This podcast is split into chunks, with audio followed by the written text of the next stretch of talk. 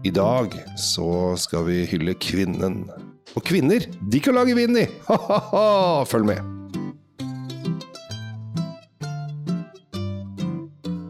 Hei og hjertelig velkommen til eh, Kjells vinkjeller, og ikke minst eh, Drink Feed med Mr. Tom and Rat Love Us. I dag, Tom, så skal vi snakke om eh, noe vi, som fascinerer oss veldig, nemlig kvinnfolk. Jeg trodde du skulle si vin, jeg nå. Ja, men øh, det vi lurer fælt på, hvordan disse damene også Det er mye rare varianter der ute som ikke alltid er like lett å forstå seg på. øh, Men noen ganger så imponerer de, og andre ganger så forundrer de. Eh, I dag så skal vi ikke gå på forundringen, vi skal gå på imponeringen. Ja, som begeistring. Altså, jeg, jeg har alltid syns det er idiotisk at uh, vin liksom er forbeholdt menn. Altså, det er alltid menn som står bak vinproduksjon, vingårder og alt mulig rart. Det, det, det har jeg aldri skjønt, for det skal ikke være noe Det er ikke noen grunn til at jenter ikke kan lage vin. Nei, men altså, det er jo Men vi menn som sånn- kjører bil. Ja, ikke sant. Ja, prøv det. Mm. Tar deg sammen. Syns jeg var morsom der. Ja, det var ikke det. ja. Den falt helt. Ja. Men du, Ja. eh, jeg har tatt med en vin til deg nå. Fra, Ja, det var Fra et ganske, det er jo ikke et ukjent hus i Norge. Nei, Nei. dette her er jo noe som uh, veldig mange nordmenn uh, kjenner til. Og jeg tror også veldig mange nordmenn liker. Det vil jeg tro. de selger jo stadig mer, får vi høre fra importøren. Ja, og det, det som jeg syns er litt fint med, med dagens importør, er, er at uh, stort sett alle vinene har høy kvalitet. Altså det, det er veldig Jeg har ikke blitt skuffa av noen av de ennå. Jeg har smakt, tror jeg, flere jeg, altså jeg tror jeg har smakt, alle. Ja, kanskje ikke alle, skal ikke skryte med det, men jeg har smakt veldig mange, og jeg har smakt i flere årganger. Det kom et poeng her nå, gjør ikke det? Jo, det vil si at det er eh, generelt alltid bra. Ja, det er en veldig høy kvalitet på ja. vinene. Vi si det, vi snakker jo om Georg Breuers uh, vinhus. Burde jo hett uh, Teresa Breuer. Ja, det er, uh, dette, er, dette, blir, dette blir en liten sånn familiehistorie som dere skal få høre nå. Oi, ja, da setter jeg meg rolig tilbake og slapper av. Ja, altså Det begynte jo med at Bernhard Breuer, Ja. som på 80-tallet uh, overtok denne vingården, Ja. og tenkte at uh, nå, kan jeg, nå kan jeg gjøre noe nytt her i verden. Tilføre jordkloden en, noe, noe spesielt. Fordi alle som husker uh, Riesling, spesielt fra sånn 60-70-tallet, sånn, så var det noen søte affærer som var sånn medium populært. Ja, Ja. det, det ble drukket. Det ble drukket, men det var liksom ikke, det var ikke den hypen som vi eh, fortsatt har. Altså På 70-tallet var jeg så liten at det husker ikke jeg, Tom, men du var jo i din beste alder på den tiden. Jeg var, det kjempe, kan jeg var kjempedreven. Ja. Men han uh, hadde jo vinmarker som da i dag er ganske kjent. Mm. Sånn type Berg Slåssberg, Berg Rottland og Berg Rosensneck, for å si noen. Det er jo i dag vinmarker som uh, vi som bryr oss litt om vin, vet om Mm. uh, og kan forholde oss til. Og han skjønte at druene som ble dyrka der, sånn, de kunne han lage noe annet av enn disse søte, eh, halvtørre eh, greiene som hadde vært lagd til da. Mm. Så han, han var ganske banebrytende, så tidlig på 80-tallet så satt han i gang med å lage tørre utgaver.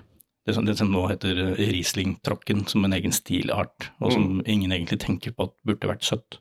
Eller halvtørt. Det kan nesten være litt sånn rart å tenke på, men, men han var såpass banebrytende at folk lurte på om han hadde slått seg i hodet, eller altså blitt bada i litt kaldt vann som barn, eller et eller annet Ja, ja. Fordi det var litt sånn uh, ordentlig kjerringa mot strømmen. Men det lykkes. Han slo igjennom. Ja. Begynte å lede an i stil. Han var jo ikke alene. Nei, og Ja. nå er jo på en måte det blitt den ledende stilen. Ikke sant? Vi har jo f.eks. hele Falster-regionen som fulgte etter. Eh, Men, men eh, Breuer han, han gikk ganske langt i bresjen for den tørre stilen. Vi er da i Reingau, for de som lurer på det. Ja, ja det er vi jo. Eh, Og alle disse vinmarkene jeg akkurat har ramset opp, ligger jo eh, veldig godt til. Det er jo litt sånn indrefileten i det området hvor han bor vi snakker om her. Ja, Reinga er på en måte en litt, litt stor sving i uh, Rhinen. Uh, ja, Enten en høyre eller en venstre sving, Ja, alt ettersom hvilken vei du kommer, men det er en sving. Det, og den, En kurve. Og, den er en kurve, og der ligger det uh, bratte skråninger stupende ned mot uh, Rhinen, som da eh, driver med De har bare ett formål, ett eneste formål i Rheingau, det er å lage vin. Ja. Tror ikke de lager noe annet. Nei. Kanskje de har en eh, liten grønnsaksåker med noen gulrøtter, ellers bare vin. Ja, Men det, det er du jo god på. Hvorfor slutte med det? det dessverre da, så slutta jo Bernhard Breuer altfor tidlig. Han var eh, 57 da han gikk bort. Oi! Og, ja, øh, og rakk egentlig aldri å liksom, få se Å, det var en fin lyd, du.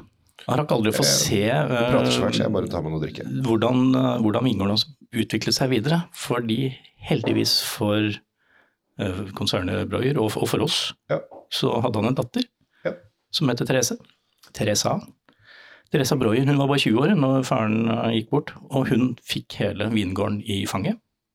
Hun hadde tenkt å begynne med vin. Jeg snakket med henne en del ganger, og senest i fjor tror jeg hun var her. Mm. Eh, hvor hun fortalte at eh, hun hadde jo tenkt å gå i farens fotspor, eller i hvert fall eh, drive med det samme, men Mm. at hun skulle overta hele, hele Gøy Breuer-konsernet, det hadde hun ikke regna med i en alder av 20. Nei.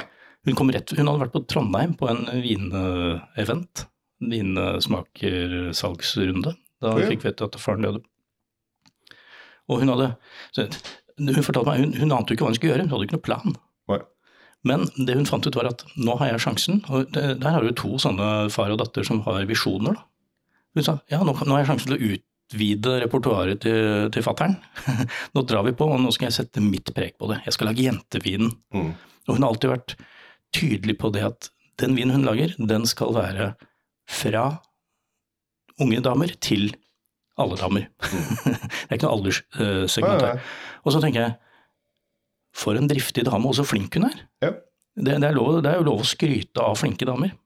Det syns jeg vi gjør altfor sjelden, så det må vi helt klart gjøre. Ja, jeg jeg, jeg syns at uh, vi skal begynne å grave fram eh, litt flere viner som kommer fra unge, litt sånn eh, visjonære vinmakere. Det kan vi gjøre.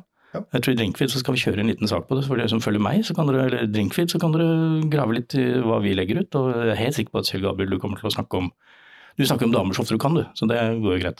Ja, selvfølgelig. Er, eh, Men du, skal vi er- smake, skal vi smake på den? For denne varianten som jeg har tatt med til deg nå, som Ja. heter Estate Lork Ja. 2020, er, eh, skal være et godt eksempel på visjonen til Teresa. Ja, og her eh, Med en gang så, så kjenner man litt sødme i den, men ikke sånn Det er en fruktighet i det, ja, Den er både den har vært litt grann på fat. greit. Ja. Jeg kjenner i hvert fall den florale greia. Jeg kjenner sitrusen. Men frøken Teresa, er hun, er hun, eh, har hun barn? Vet vi om det? Nei, vi vet ikke. Så vi kan ikke kalle henne moder Teresa. Eh, kjære all verden, du gjøre. Nei, eh, jeg måtte bare. Teresa hun eh, driver, når hun lager disse vinene, så driver hun med, når de gjærer ut, så gjærer de i veldig kalde lokaler. Som gjør at gjæringen stopper tidligere enn det vi har gjort hvis det har vært veldig varmt. Og det er Ja, det blir jo for å bevare kan si, noe av den Mm. restsødmen, altså den litt sånn fyldigheten. For det, det er jo en fyldig Riesling, dette her. Selv om Mm. den, den er ikke på noen måte tyktflytende eller fet eller noe sånt. noe. Det er bare det at den er veldig aromatisk, veldig fruktig. Mm. Og hun har klart å bevare den syra som ja, som de som har hørt på Drinkfeed øh, og deg noen ganger tidligere, Kjell Gabriel, vet jo at jeg er jo en stor sucker for syre. Og her er det jo Den lukter søtere enn den er, for den har veldig mye fin, frisk syre. Ja, så du får en veldig bra Altså, duften utfyller smaken omvendt. Mm. Og det, det, er, det er noe sånn vi vil ha. Og det som er litt med liker litt med Riesling, er at, øh, eller gode Rieslinger, er at når de kommer da, så er det ikke sånn derre pang. Det er ikke noe sånn derre eksplosjon i munnen. Det er en sånn elegant, fin Ja, den bare kommer. Den er bare Ja. god. mm. Den, den kommer liksom ikke og overtar hele munnen din og Ja, for noen, noen ganger så får jeg en på trynet, rett og slett. Ja, ja. Altså, det er sånn der eh, flaff, flaff. eh, Hvem er du? Men her er sånn ja, hei, hei, god dag. Dette, dette skal jeg gi deg nå. Og det syns jeg er helt, helt uh, toppers. En annen ting med hun Therese, er- er at uh, hun liker å eksperimentere med nye retninger. Mm. Og resultatet av det er at det er mye rart uh, som kommer ut fra Georg Breuer. Mesteparten blir lagt ut på andre markeder så vi, eh, som normalt ikke går i Europa f.eks., eller Mm. bare enkelte områder eller noe. Men eh, hun er norgesvenn, hvis vi skal bruke det utrolig slitne og litt kjipe uttrykket. Hun, hun, hun liker å være her. Hun har stappret. Ja, nå skal vi ikke, nå, du måtte dra i han kødden der. Men uansett, eh, Therese er jo mye hyggeligere og en mye bedre bakgrunnshistorie enn det Horst Tappert hadde. Men eh, det at hun har et så godt forhold til Norge og det norske markedet, gjør at vi har tilgang på veldig mange, som hun sier, rare viner. Mm. Som egentlig ikke er forbeholdt uh, noen, men som hun tør å slippe i Norge. Så jeg vil jo si til dere der ute at eh, begynn med den her. Og så Mm. kan dere leke litt med hva Teresa egentlig vil med vinretningen sin. Da kan du kjøpe en tre-fire stykker i forskjellig, Mm. av forskjellig klasse og pris, og så kan dere leke litt uh, og, og tenke hva, hva har hun tenkt her? Mm. Hva i all verden hva som skjedde oppi huet på akkurat her? Og som regel er det gode ting. Yep. Enig. Og du, er, eh, du kommer med visdomsord på visdomsord her, eh, Tom. Ja, det ble en liten Ja. sånn monolog fra meg her denne Ja, du, gangen. det, dette her, du skal få lov å skinne. Her skal du få lov å skinne. Det er tross alt halvparten av lytterne er på din egen podkast, så du skal få lov å skinne til de grader. De, Tusen takk, glad for det. Altså. Ja, ja. Vi eh, må fortelle at eh, hvis du har lyst på Georg Breuer Estate Lords 2020, 20, 20, som det heter i Tyskland, så må du ut med 240 kroner, eh, 240 kroner, eller 239,90. Og det syns jeg det funker. Det er ikke upris, det. Nei, det er det du må betale for. Altså, vi, nå snakker vi om uh, førstedivisjon, ja. eller Eliteserien eller whatever. Vi, er, vi, er, vi, er på de, vi begynner å leke med de store, gode produsentene her. Therese er ikke noen uh, småpike i den sammenheng her, unna også. Nei. Vi sier tusen takk til Teresa. Vi også, takk til deg også, Kjell Gabriel, fordi du kom med så innmari mye dårlige vitser på denne episoden her. Det var, det var, det var godt gjort. Jo, men jeg har flere på lager, så det er bare å lytte på flere episoder, for dårlige vitser, det er jeg god på. Jeg heter Kjell Gabriel Henriks, tusen takk for oss. Tom Amirati Løvaas, hør på Drinkfeed og Kjell Svinkjeller så ofte du kan.